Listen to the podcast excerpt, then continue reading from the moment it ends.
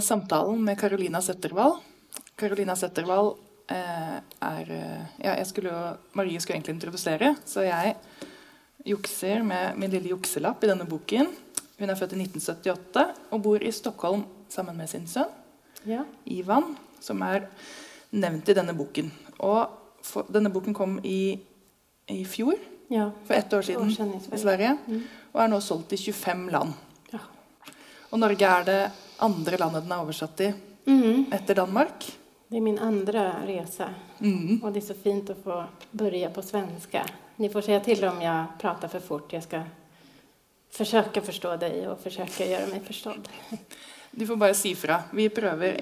Jeg har sett mye på Skavlan, så jeg svorsker Ja. når det blir nødvendig. For å si ja. Jeg eh, heter Kristin Sturusten. Jeg Läste leste denne boken i Eller hørte den på lydbok. Det kan anbefales alle med svenske bøker i høst. Og elsket den.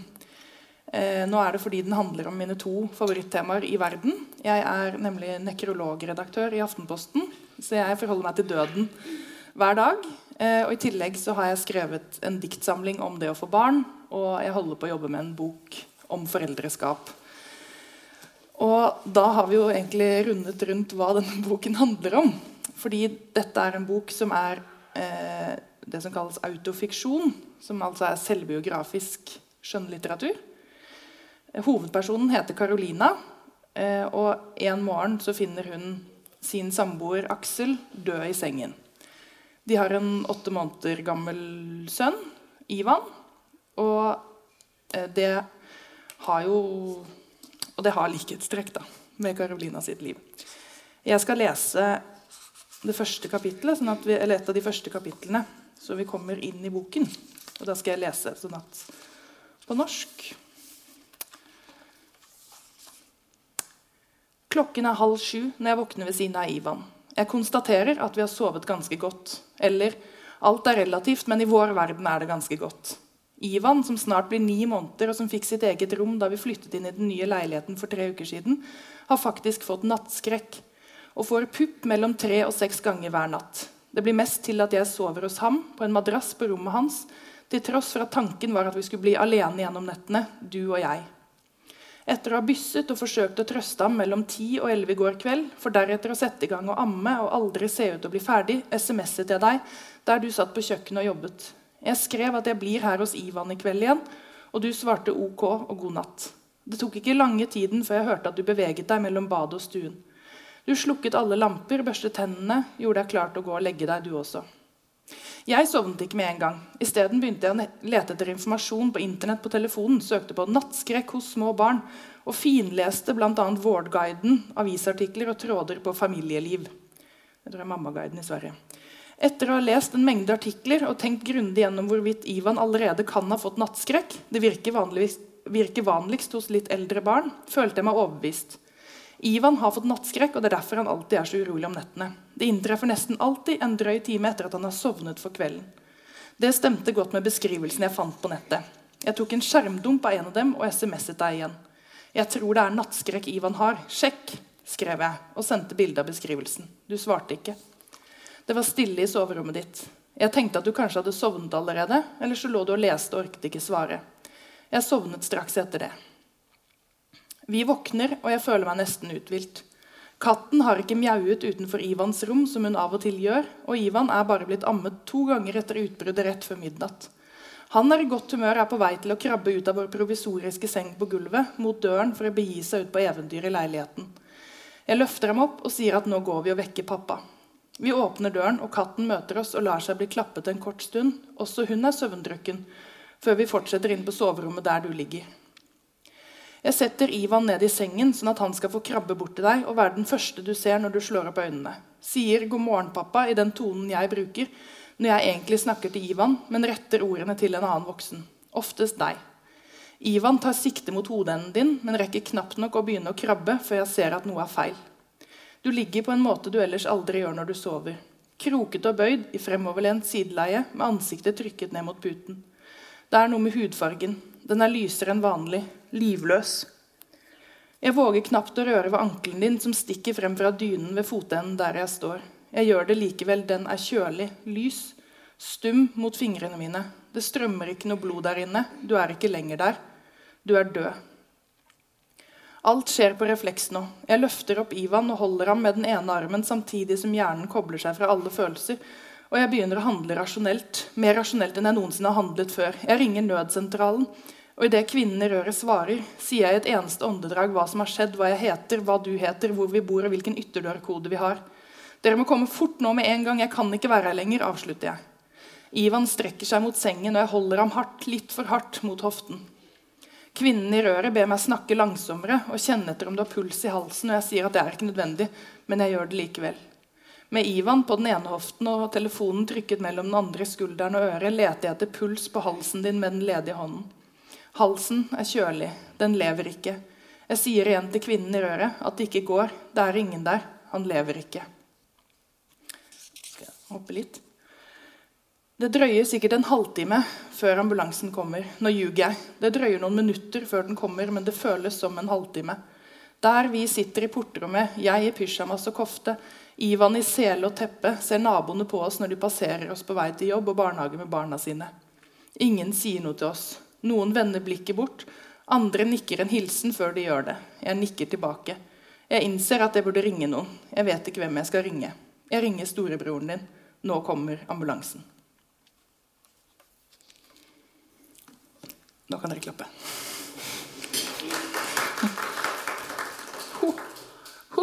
Det er ganske heavy eh, å starte. Jeg hadde ikke det er, det er en tung bok å lese, og fin bok å lese. Var det godt å skrive boken? Um, ja, det var det faktiskt. Det var, det var, det var väldigt skönt att få sätta ord på det kaos som jag kände att jag gick igenom. För jag hade svårt att... Min tillvaro förändrades ju väldigt mycket över, över natten den där dagen.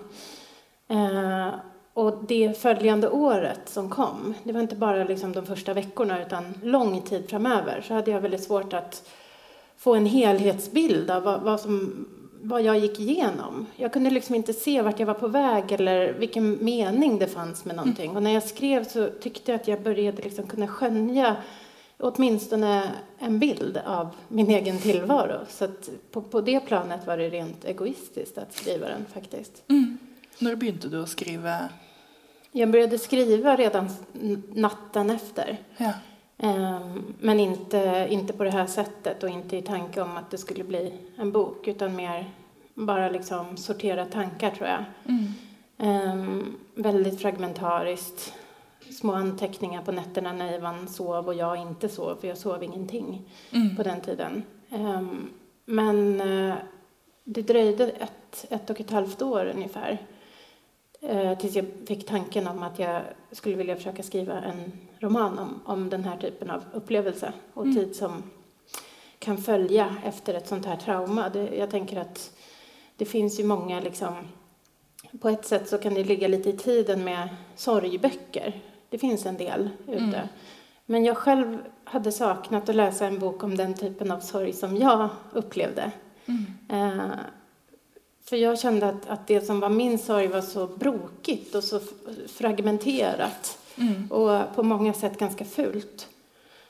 Så jag ville liksom skildra den sorgen. Och så visste jag, för att jag hade kommit i kontakt med många änkor och änklingar, att det var inte bara jag som gick och kände så här, så här, så här mycket ilska, mm. eller så här mycket skuldkänslor, eller så här mycket bitterhet. Eh, det var bara det att vi aldrig riktigt pratade om det med andra än varandra, vi som gjorde det. Mm. Så då ville jag skriva en berättelse om det, eh, baserat på det jag hade gått igenom. Ja, for det, det er jo Eller i hvert fall det er en sånn ting jeg er veldig opptatt av. At det er mange som tror at sorg er én følelse, én kjensle. Og at i denne boken så Eller det er jo mange ting som skjer samtidig, fordi at du har et lite barn mm. som tar veldig mye av tiden. Mm. Eh, men det også at det er mye ilska, bitterhet, selv, mye selvkritikk. Mm. Spesielt eh, i den Verkligen boken. Mycket ja, det er mye selvkritikk. Ja, for blant annet at Og en del skam eh, rundt eh, Skriver i boken om det å ta imot hjelp, eller det å klare å ja. knekke sammen. Eh, at du, tenker du at det er en stor forventning om hvordan man skal opptre i sorgen? Alltså vem man ska vara som sörjande? Ja, lite tror jag. För att jag kände, även om ingen sa till mig hur jag skulle vara, så kände jag att jag hade en viss tid på mig att komma på fötter. Ja. Eh, jag visste att så här, nu i början så är det okej okay att jag är ett vrak som knappt kan laga min egen mat. Jag kunde liksom amma och vara med mitt barn. Och sen visst, jag bara förstod inte hur man skulle hämta posten eller tömma en diskmaskin eller ta sig till läkarbesök och sådana saker. Och det kände jag att det är okej okay i mm. den här fasen. Sen kommer begravningen och då ska jag sakta efter begravningen ska jag börja hantera min tillvaro lite bättre. Och efter något år ungefär så tänkte jag mig att det vore bra mm. eh, om, jag var, om jag var ungefär... Färdig? Inte färdig, men om jag fungerade mm. igen. Eh, och det är ganska lätt att låtsas att man fungerar. För om man går tillbaka till sitt jobb och inte sitter och gråter varenda gång man träffar en vän eller på lunchrasterna med kollegorna, då, det, då, kan, då kan det framstå som att, att det är på det sättet. Och jag tror mm. att jag bara följde något slags manus som jag inte vet vem som har lärt mig. Nej. Men, men inuti mig så pågick ju jättemånga andra processer. Inte hela tiden varje dag, men, men ofta. Och det var väl det som liksom var lite grann vad jag kände att jag ville berätta om. För det som jag skriver om i den här boken, det, var inte, det pratade inte jag med mina närmaste vänner om. Nej. Det var någonting som höll tillbaka, som var att det, känd, det kändes lite fel, men jag ville inte att jag skulle vara fel. Jag ville inte att, det skulle vara, att jag skulle vara en dålig människa för att jag hade så, så mycket olika liksom, mm. känslor samtidigt i min sorg. Jag kunde ju känna mig dålig för att jag skrattade. Om jag var glad en kväll, mm. då kunde jag ha dåligt samvete för det. För att jag, bara, jag, framstår jag som en väldigt kall människa nu som, som har kommit över det här för fort? Och det går liksom inte att skildra allt som händer samtidigt i ett vanligt möte. Nej. Framförallt inte i dagsljus när man sitter liksom på en lunchrast till exempel, mm. eller på en fika med mm. en kompis eller så. Så jag ville väl bara försöka göra det på 380 sidor. Till alla, det du inte snackat med dina närmaste om? Ja, men lite. Ja.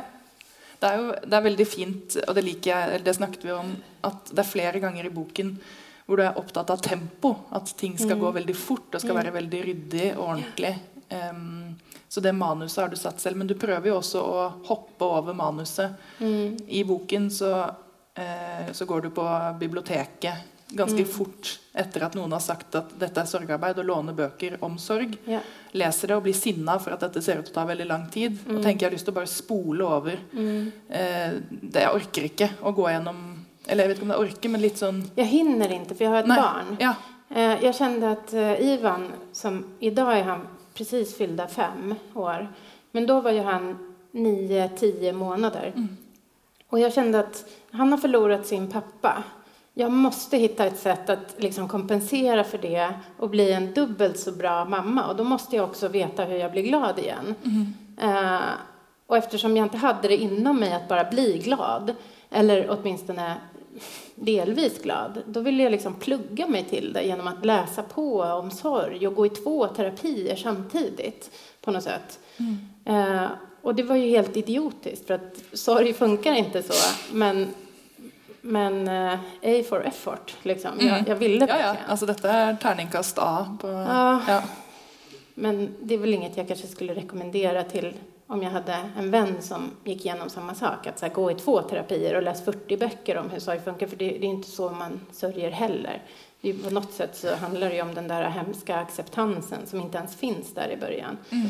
Att liksom gå med på att livet blev så mm. som det blev. Att det var detta som var manuset för ditt ja, Det fanns ju inte ett manus, och man, om det fanns ett så kan man ändå inte lita på att man kommer följa det.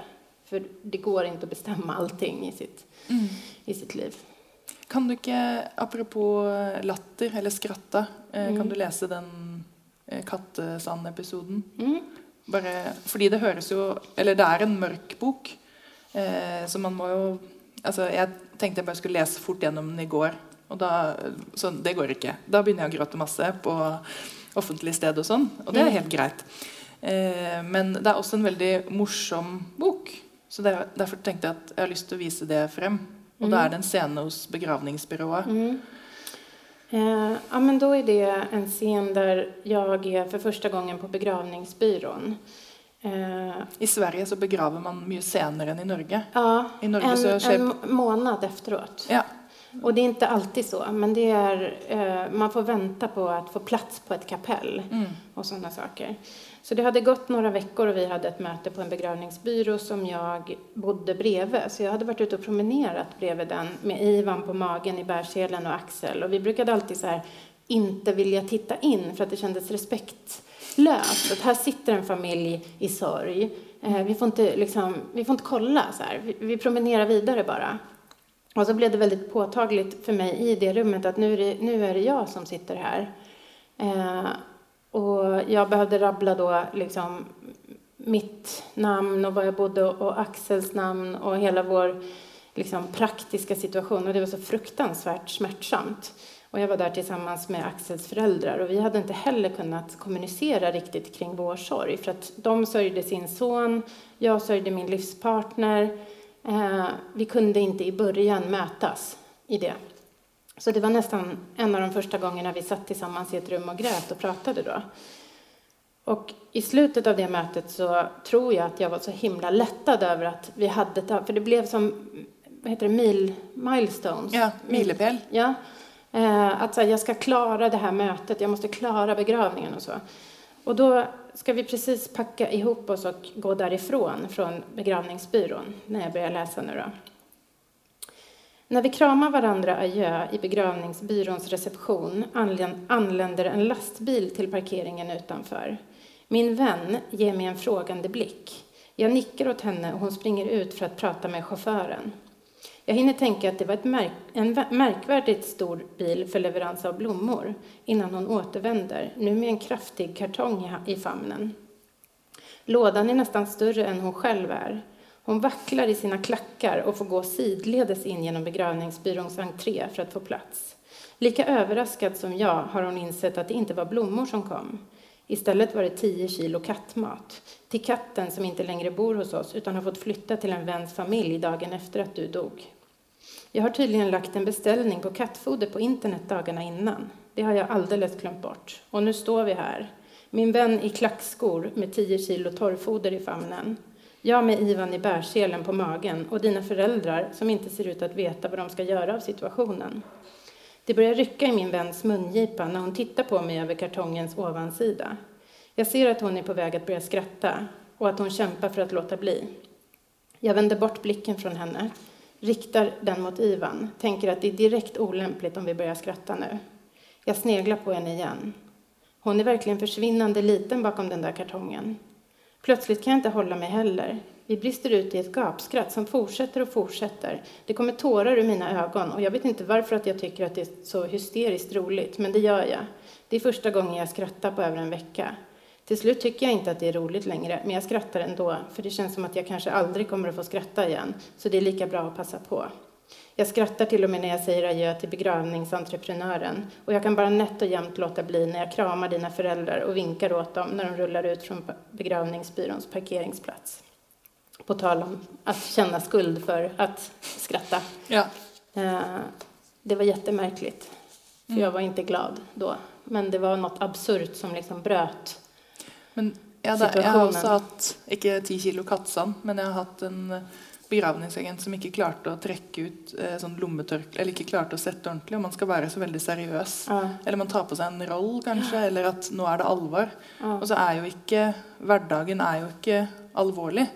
Den tilpasser seg ikke at man selv er i en situasjon. Den skjer med liksom melkespreng og, og hva som er overalt. Og det skriver du veldig godt om i Eller jeg syns det er noen fine scener i møte med med andra människor, eller som på begravningsbyrån som är väldigt seriöst. Eller, den, en av de frykteligste och morsomste scenerna är efter begravningen. Mm. Så går du inom en Ica, mm. en butik för att mm. handla mat och så kommer det en sån förfärlig säljare ja. som ska tillby lite gratis ost. Um, och bara sån, och du säger nej, nej, eh, och han bara det är lov att smila lite. Det ja. lov att ge ett litet smil.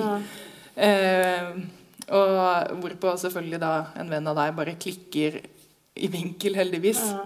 Men det Alltså, är i- det, det är ganska, jag har hela mitt liv fått höra framförallt män som säger till mig så här, men le lite då. För jag tror, att när, jag tror att jag ser ganska sur ut när jag slappnar av i ansiktet. Eh, och jag har alltid gått och retat mig på så här, varför, varför säger alla till mig att le? Jag ser ju ut som jag ser ut. Så här. Och i den situationen, då var det så här, nej nu jävlar, nu fick du inte be mig le. Just nu har jag faktiskt rätt att bli arg på dig för det. Eh, av alla tillfällen jag inte har sagt någonting. Liksom. Mm. Och han fick en utskällning då. Det kändes bra. Ja, för alla, förtjänt. han, fick ta det för alla andra gånger det har hänt. ja. Uff, ja, den var fortjent. mm. Eh, og det jeg kanskje skal hoppe over Altså For da jeg leste denne boken, eh, så leste jo jeg en foreldrebok.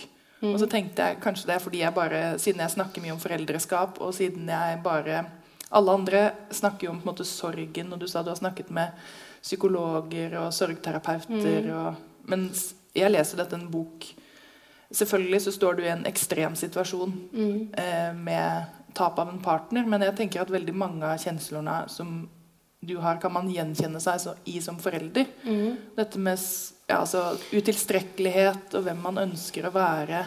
Ja, men precis. Jag tror att det som, det som eh, gör att det här inte bara är en sorgskildring, tycker jag, det är att halva boken är ju en, en kärleksberättelse.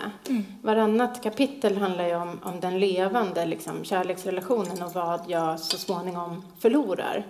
Eh, och den kärleksrelationen som, som var högst vardaglig. Alltså jag valde att fokusera på det som inte var himmel och inte var helvete utan flöt omkring här där det mesta av livet ändå sker.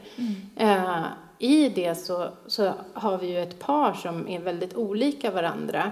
Där den ena, vilket är jag, eh, liksom driver på väldigt hårt och nu ska vi flytta ihop, nu åker vi ut och reser, nu ska vi skaffa barn, nu är det katt, nu är det flytt. Liksom. Och så har vi en person som som var Axel som är väldigt så här eftertänksam, vill ta det lugnt, vill tänka väldigt länge på om han är redo för att skaffa barn eller inte.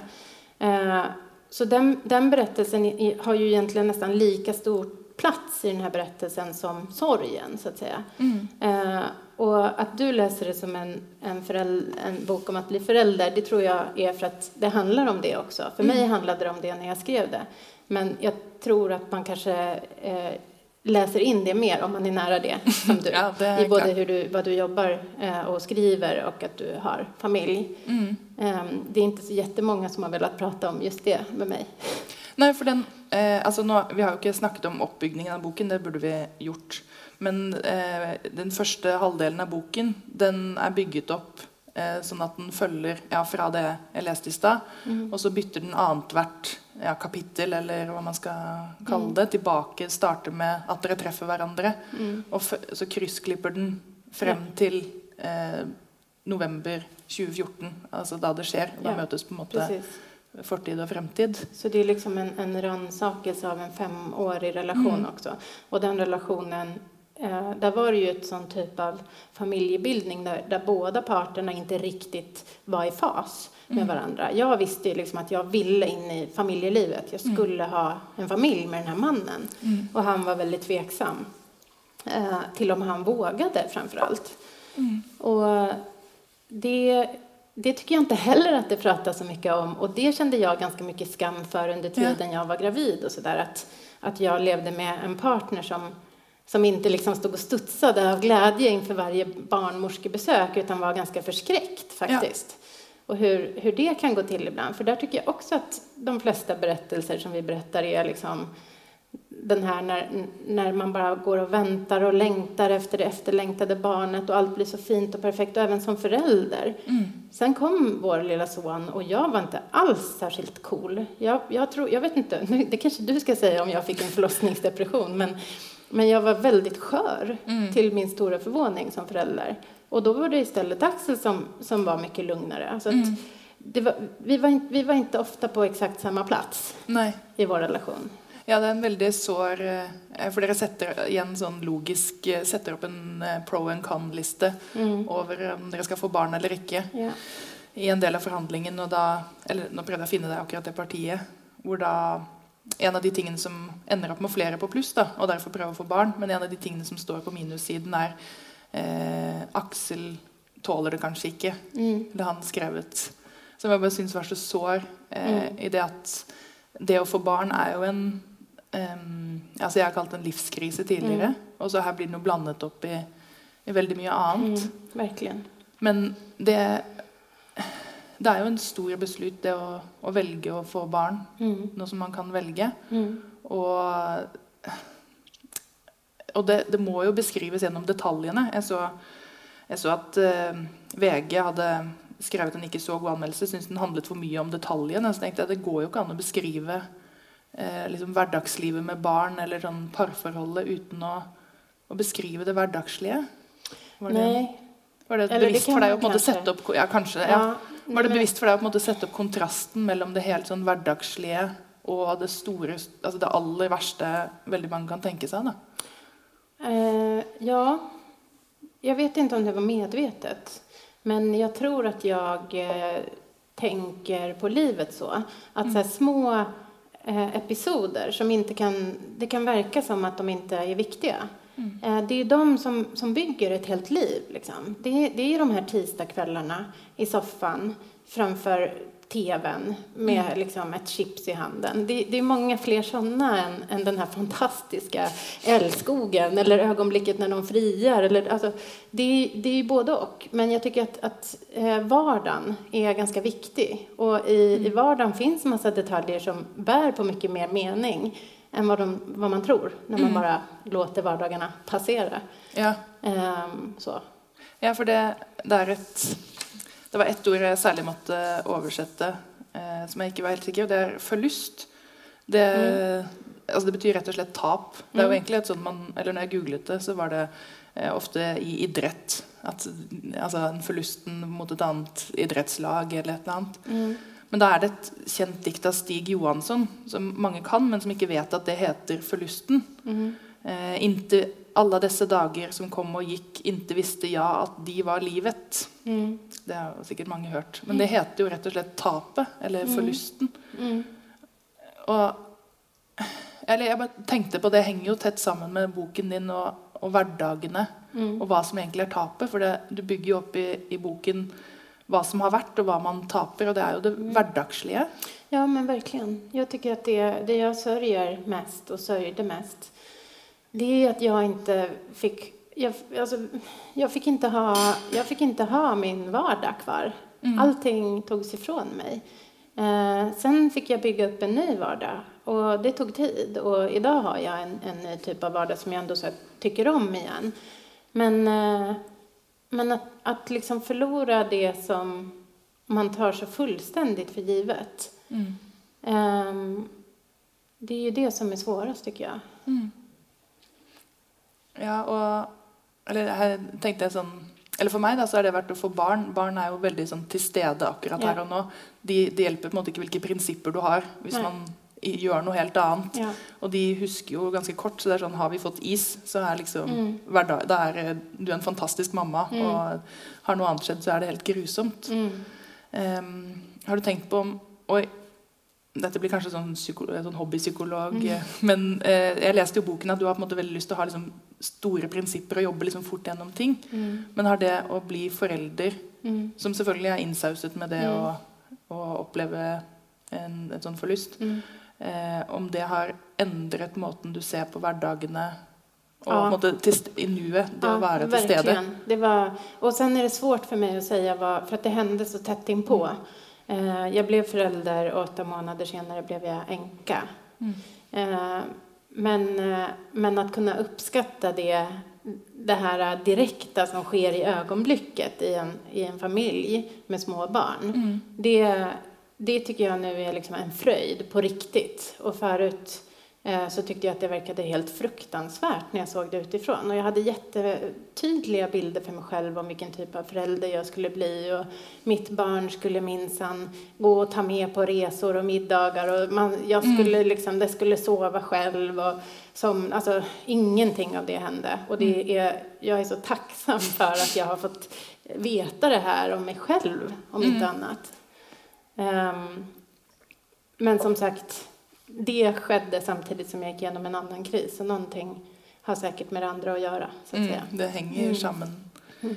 Ja, for det, og nå kommer et sånt litt rart spørsmål. Eller, da jeg leste denne boken her og fortalte at jeg skulle intervjue deg, så snakket jeg med en kollega, og hun sa at jeg burde lese en bok av Tom Malmquist som heter 'I varje øyeblikk er vi fortfarande ved liv'. Mm. For den handler også om da Den kom for eh, fire Ja, i 2015. Mm. Eh, og handler også da om en mann som mister sin kone i barsel altså da er det med, i forbindelse med fødsel.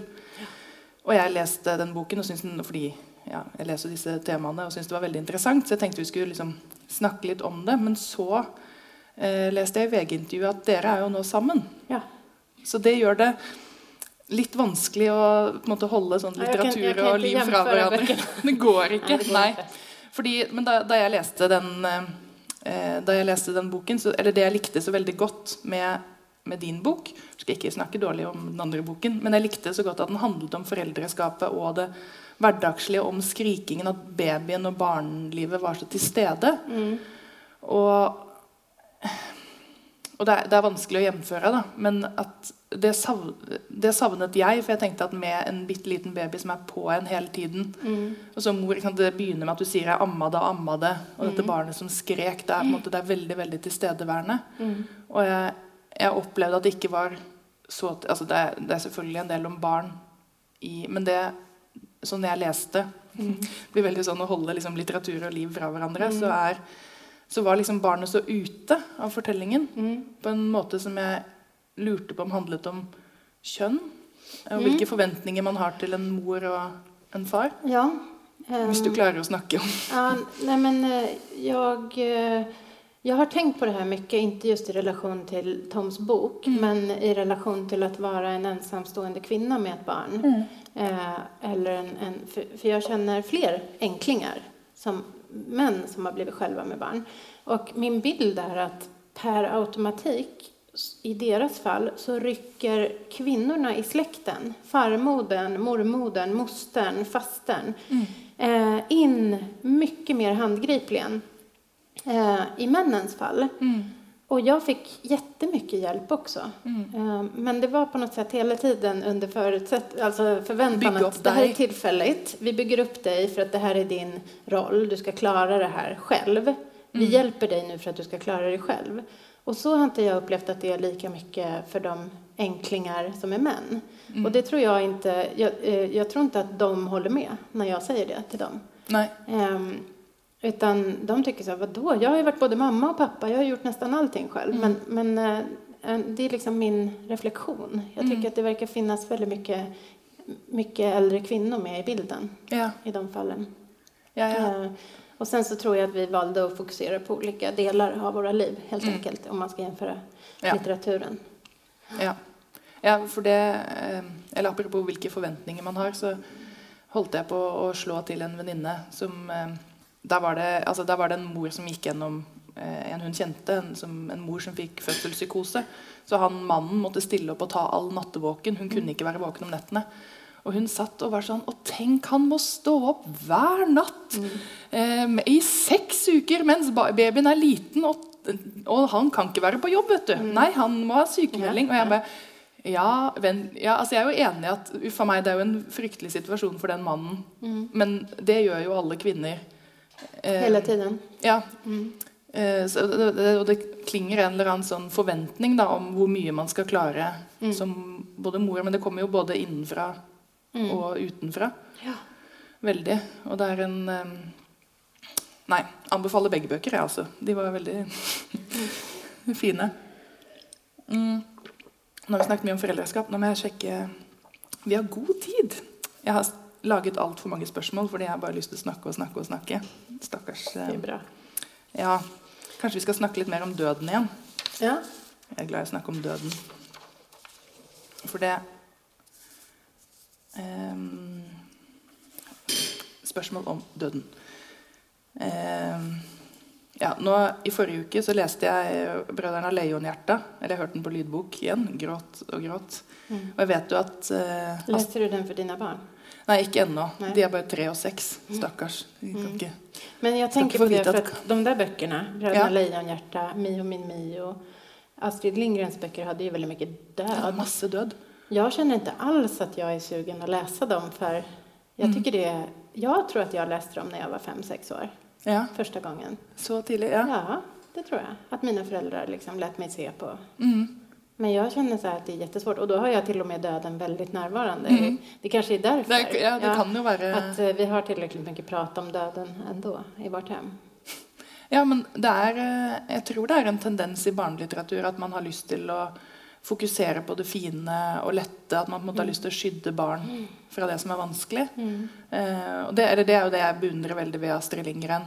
Eh, Det å snakke om døden. Og Verkligen. når jeg hørte på Nå er det flere år siden jeg har hørt Brødrene Leionhjerta, men det er jo en Jeg tenkte hvis den hadde kommet i dag med i det debattklimaet som man har nå, om eh, Så kan man det kan godt hende at mange ville reagert helt annerledes eh, på å snakke så åpent om døden og noe som kan tolkes som selvmord Mm.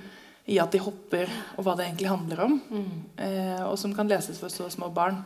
Så det spørsmålet her det leder vel egentlig opp til om vi kanskje er på en måte blitt dårligere på å snakke om døden, eller at døden er lenger unna Mm. i dag. Jag vet inte, ingen kommer ju undan döden i verkligheten så att säga. Eh, Även om de flesta barn, som Ivan nu då fem år, han, han känner ju inte så många andra barn med döda föräldrar. Eh, förutom hans nya bonussyster då, vilket är fantastiskt Mm. på sitt sätt. Men eh, om vi pratar om det på förskolan, då känner jag att barn är ganska de är ganska fördomsfria om döden. De är inte så rädda för ämnet. Eh, det kan vara så att, att liksom ett barn kommer och berättar att, att det hade en, en katt som dog och en annan hade en farmor och en tredje kände till något, något tredje. Liksom. Att det är inte så här, och, det, och min pappa, alltså han förstår inte hur synd alla tycker om honom, alla vuxna. Eh, för han liksom bär sin erfarenhet. Den har varit med honom sedan han var åtta månader. Han kommer inte ihåg hur det var att vara åtta månader. Han kommer inte- lyckligtvis inte ihåg hur jag var då heller. Eh, så jag tycker att så här, ur, ur deras perspektiv så känns det som att de är ganska fördomsfria och ganska nyfikna. Men det är ju svårt att greppa. Att någonting kan försvinna. En person kan försvinna och inte komma tillbaka. Och så.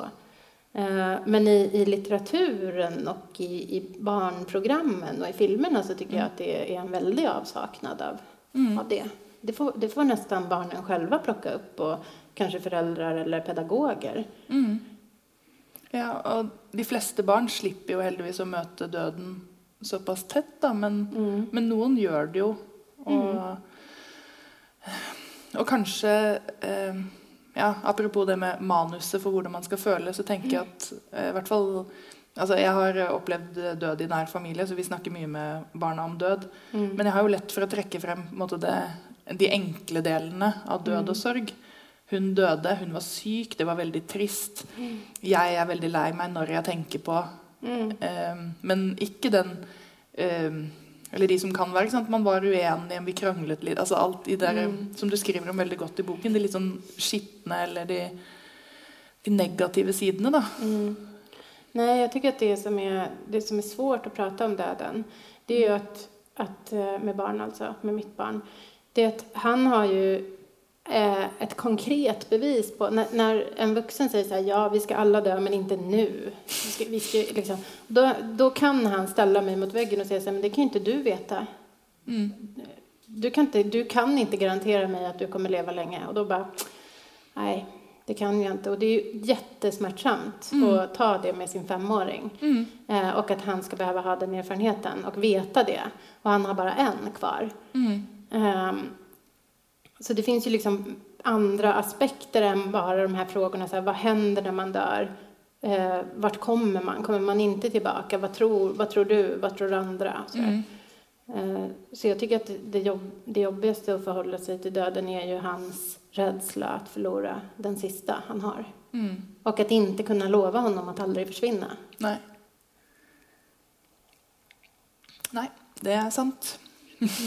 ja, jeg har eh, mistet min far selv da jeg var 19. Jeg var litt større. Mm, Men jeg jeg 19. kjenner jo på den, ja, tappade. den følelsen av å bare ha en, eh, en igjen hvis noe skulle skje. Mm. Hvis det skulle bli. Men hva Dette er jo eh, Det har vært diskutert mye dette med å skrive selvbiografisk. Mm. Og den, denne boken er jo et, et eh, ja, er, det er et minneord eller nekrolog over Aksel, men det er jo først og fremst et minneord over livet deres. Hvis man kan snakke om relasjonen på en måte Mm. som en egen bit, så leser jeg den kanskje først og fremst som et et minneord over deres relasjon. Mm. Um, jeg tenkte overgangen fra at ehm, Til det å vite at ikke bare Aksel Nei, ikke bare at Ivan en dag skal lese det, men også Aksel sin familie og Mm. din familie og alle ehm, Har du tenkt noe rundt det? Det å være den som setter ord Jätte- på ja, det har, situationen. varit, det har varit nästan det jobbigaste i hela processen. Att förhålla mig till det och att försöka hitta en respektfull balans. Mm. Eh, och att eh, älta med mig själv och med min förläggare. Och, och liksom, kan jag... För att jag visste hela tiden att jag ville skriva en roman, alltså fiktion. Eh, för jag kände att jag kan inte ha ett sanningsanspråk. Jag är inte klar i huvudet under den här processen. Det hade bara gått ett och ett halvt år när jag skrev det här. Mm. Eh, Jag kommer välja liksom att belysa vissa saker som jag tycker hör hemma i den här berättelsen och inte alls ta med andra grejer. Så det, blir, det kommer liksom inte bli sanning hur jag än gör. Nei. Eh, och så vill jag ha den friheten också att kunna fabricera helt. För att jag visste i stort vad jag ville berätta men det behövde inte vara precis på pricken mig och Axel. Så här. Men eftersom, eftersom det är lättast och nästan det enda sättet jag har kunnat skriva på att, att ligga nära mina egna upplevelser ehm, så, så behövde det göra det. Eh, och jag löste det på så sätt att jag höll alla omkring mig eh, lite så här up to date under processen och fick läsa och så innan det blev en bok. Eh, men med det sagt så kunde ju aldrig Axel få göra det. Och det har jag, det har jag liksom ältat sönder och samman och jag är inte ens säker idag på. Jag, jag tycker att jag har skrivit ett väldigt subjektivt eh, brev till min döda älskare, kan man säga. Eh, som handlar om, om, om min tolkning av våran tid och min, min, min liksom upplevelse av sorgen efter honom. Men det är fortfarande på många sätt så att jag liksom tvekar och känner så här, är, är det här, ger det någonting utöver vad det kostar liksom? Eh, men, men som tur är, i Sverige, jag vet att i Norge har ju ni haft en, en debatt sista året kanske, eller flera Ja. år, som handlar om autofiktion. Alltså när jag skrev den här boken visste jag inte ens vad autofiktion var. Det här är min första roman. Eh, så jag skrev på och under processens gång var det totalt påhittade partier, så det var helt givet att det skulle vara eh, fiktion. Men jag visste också att eftersom det ligger så nära sanningen så behöver jag eh, visa hänsyn mot människor som känner igen sig i berättelsen. Men, eh, men i Sverige har inte det varit en debatt. Och jag tror att hade det varit det så kanske jag hade varit ännu mer aktsam om liksom, bytt ut stad och namn och, och sådär liksom, för, för att skydda. Ehm, men, eh, men i slutändan så känner jag, jag känner att jag har skrivit ett, ett kärleksbrev. Mm. Och jag tänker att man får göra det. Mm. Jag Ja, at den hoppas det. skrevet, er skrevet i du-form. At det er jeg, Ja. er Carolina, og du Ja, er han är hela tiden han, liksom. Mm. Flera år efter att han... Eller han är du, helt enkelt. Flera Mm. år efter att han försvann. Mm. Mm. Til ham. För jag, det är ju också ett tema. Jag, det går ju några år och så blir jag förälskad igen Mm. i en ny man. Och då, då var det ju ytterligare en process. Här, får, jag, får jag bli kär? Så här. Och allting sker på något sätt i den här boken i en dialog med honom och mycket i mitt liv gjorde det. Att jag liksom fortsatte diskutera med honom fast han inte var där och svarade. Mm. Och jag kan göra det än idag. Mm. Det är konstigt för nu har det gått fyra år liksom, men jag kan se väldigt tydligt framför mig hur våra diskussioner skulle gå och vad han skulle tycka om saker. Och sen blir det väl lite gissningar ibland, men, men jag tror att det är ganska många som förhåller sig till sina döda på det sättet, att man fortfarande har någon slags inre dialog. Mm. Ja, for det er jo ikke helt tydelig hvor boken skulle slutte. Eller i hvert fall når jeg leste den. Nej. Så Eh, nå skal vi ikke røpe alt som skjer, fordi det er lurt å lese boken. Kjøpe den og lese den. Men eh, den første delen eh, går da opp altså På en måte så kunne det vært naturlig at den sluttet på en måte, eh, Mm. idet historiene treffer hverandre. Eh, Det var tanken. ja. Och sen så hade det då gått så pass lång tid och jag var upp över öronen förälskad i en ny man. Mm. Och eh, visste inte, ja, jag slogs jättemycket med mig själv om huruvida jag kunde göra det. Och i den relationen som eh, uppstår i bokens sista tredjedel så finner jag mig själv plötsligt att bli mer eller mindre en kopia av Axel. Jag blir den som vill bromsa, den som inte är redo. Den som, jag har aldrig varit den personen i en relation tidigare och jag tyckte att det speglade någonting om att man kanske inte har en så här fixerad personlighet utan allting uppstår i mötet med någon annan. Att man blir polariserad och man, man tar till mer och mer extrema... Det blir liksom en dragkamp ofta i, i nära relationer. Mm. Och anledningen att, att jag ville ha med det i den här berättelsen var ju att jag kände att det liksom gav någon slags, inte closure kanske, men en, en så djupare förståelse av den mannen jag sörjde. Mm. När jag kände att jag, jag blev till honom. Liksom. Eh, så, ja. Ja, for det, jeg liker det at eh, Eller det er jo det er sikkert en yrkesskade, men at jeg ofte sitter og tenker sånn Her tror jeg jeg ville sluttet. Eller at jeg bare sitter og tenker sånn her. Men så, og så tenker jeg sånn Ja, eh, her kunne jeg sluttet. Og så leser jeg, og så bare Å nei, men dette, dette forklarer så mye av et eller annet tilbake. Og kanskje det er der eh, Altså, det var jo Knausgård som startet mye av diskusjonen. Og det jeg liker veldig godt i både Knausgård Altså det er de detalj, minutiøse detaljene fra dag til dag, men også at gjennom å skrive noe som ikke er en på en måte Altså den er veldig velkomponert.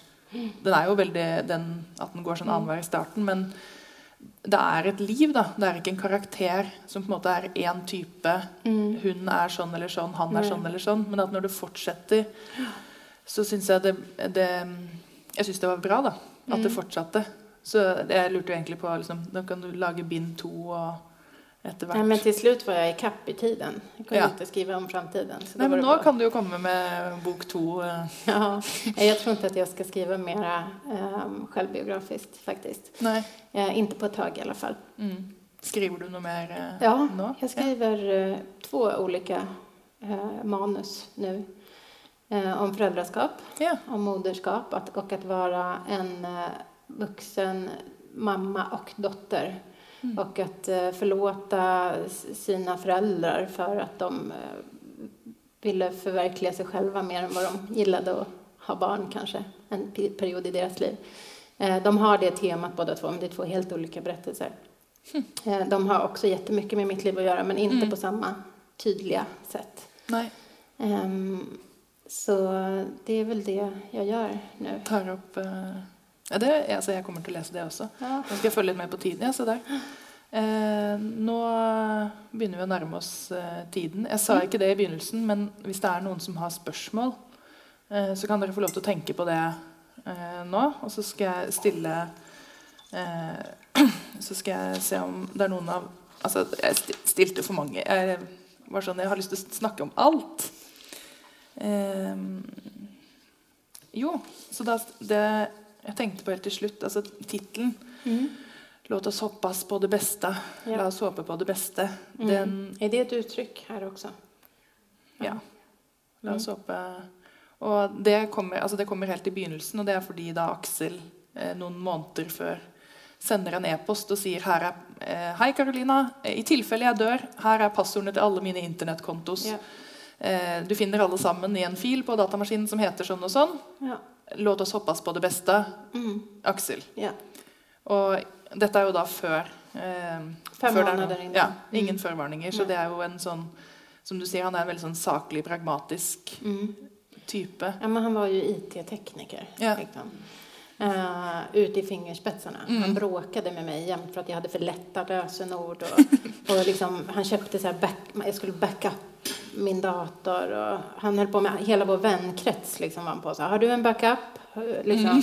Han var noga med det. Och att, det, att jag fick det där mejlet fem månader innan han på riktigt dog var inte så konstigt faktiskt eftersom han var som han var. Men när han dog, och han avslutade då med låt oss hoppas på det bästa och sen bara hans namn. När han dog så var det en av de första sakerna jag liksom tänkte på. Eh, att jag har ett mejl i min inkorg som som berättar vad jag ska göra nu. Mm. Vad sjukt. Eh, och så fick, när jag skrev den här boken så hade den den arbetstiteln, Mm. alltså manuset. Men jag tänkte att det inte skulle heta det för att jag kände att Låt oss hoppas på det bästa var lite det var, det var liksom hans uttryck och inte mitt. Ja. Jag hade ju inte levt mitt liv som att man bara ska hoppas på det bästa. Jag hade ju levt Ja. som att nej, vi hoppas inte, vi ser till liksom. Ja. Vi gör det bästa. Mm. Men, men någonstans så kändes det också som att den eh, hårda läxan och lärdomen jag fick var ju att ibland är ju så här att hoppas, det är allt vi kan göra. Mm. Precis så som han skrev. Mm. Ja, vi hoppades på det bästa, men det blev inte så. Det ligger ju liksom en besvärjelse i uttrycket. Mm. Varför ska vi behöva hoppas på det bästa? Då betyder det ju att det finns ett alternativ till det bästa. Ja. Och jag, den växte liksom ihop med mig, Mm. titeln, Ja. med tidens gång. Mm. Ja, det är fint. Är det någon eh, frågor, någon spørsmål? Ja, Karolina sa det pleier ikke å komme noen spørsmål når vi snakker, så bra. Men da tror jeg rett og slett at vi takker eh, for i kveld. Og så god tur til Oslo i morgen. når Mm. Vi skal snakke i NRK i Salongen, så da kan dere også høre. Mm. Det kommer vel til neste uke, tenker jeg. De pleier å ha sånn. Tusen Tack takk så for at dere kom. för att ni kom.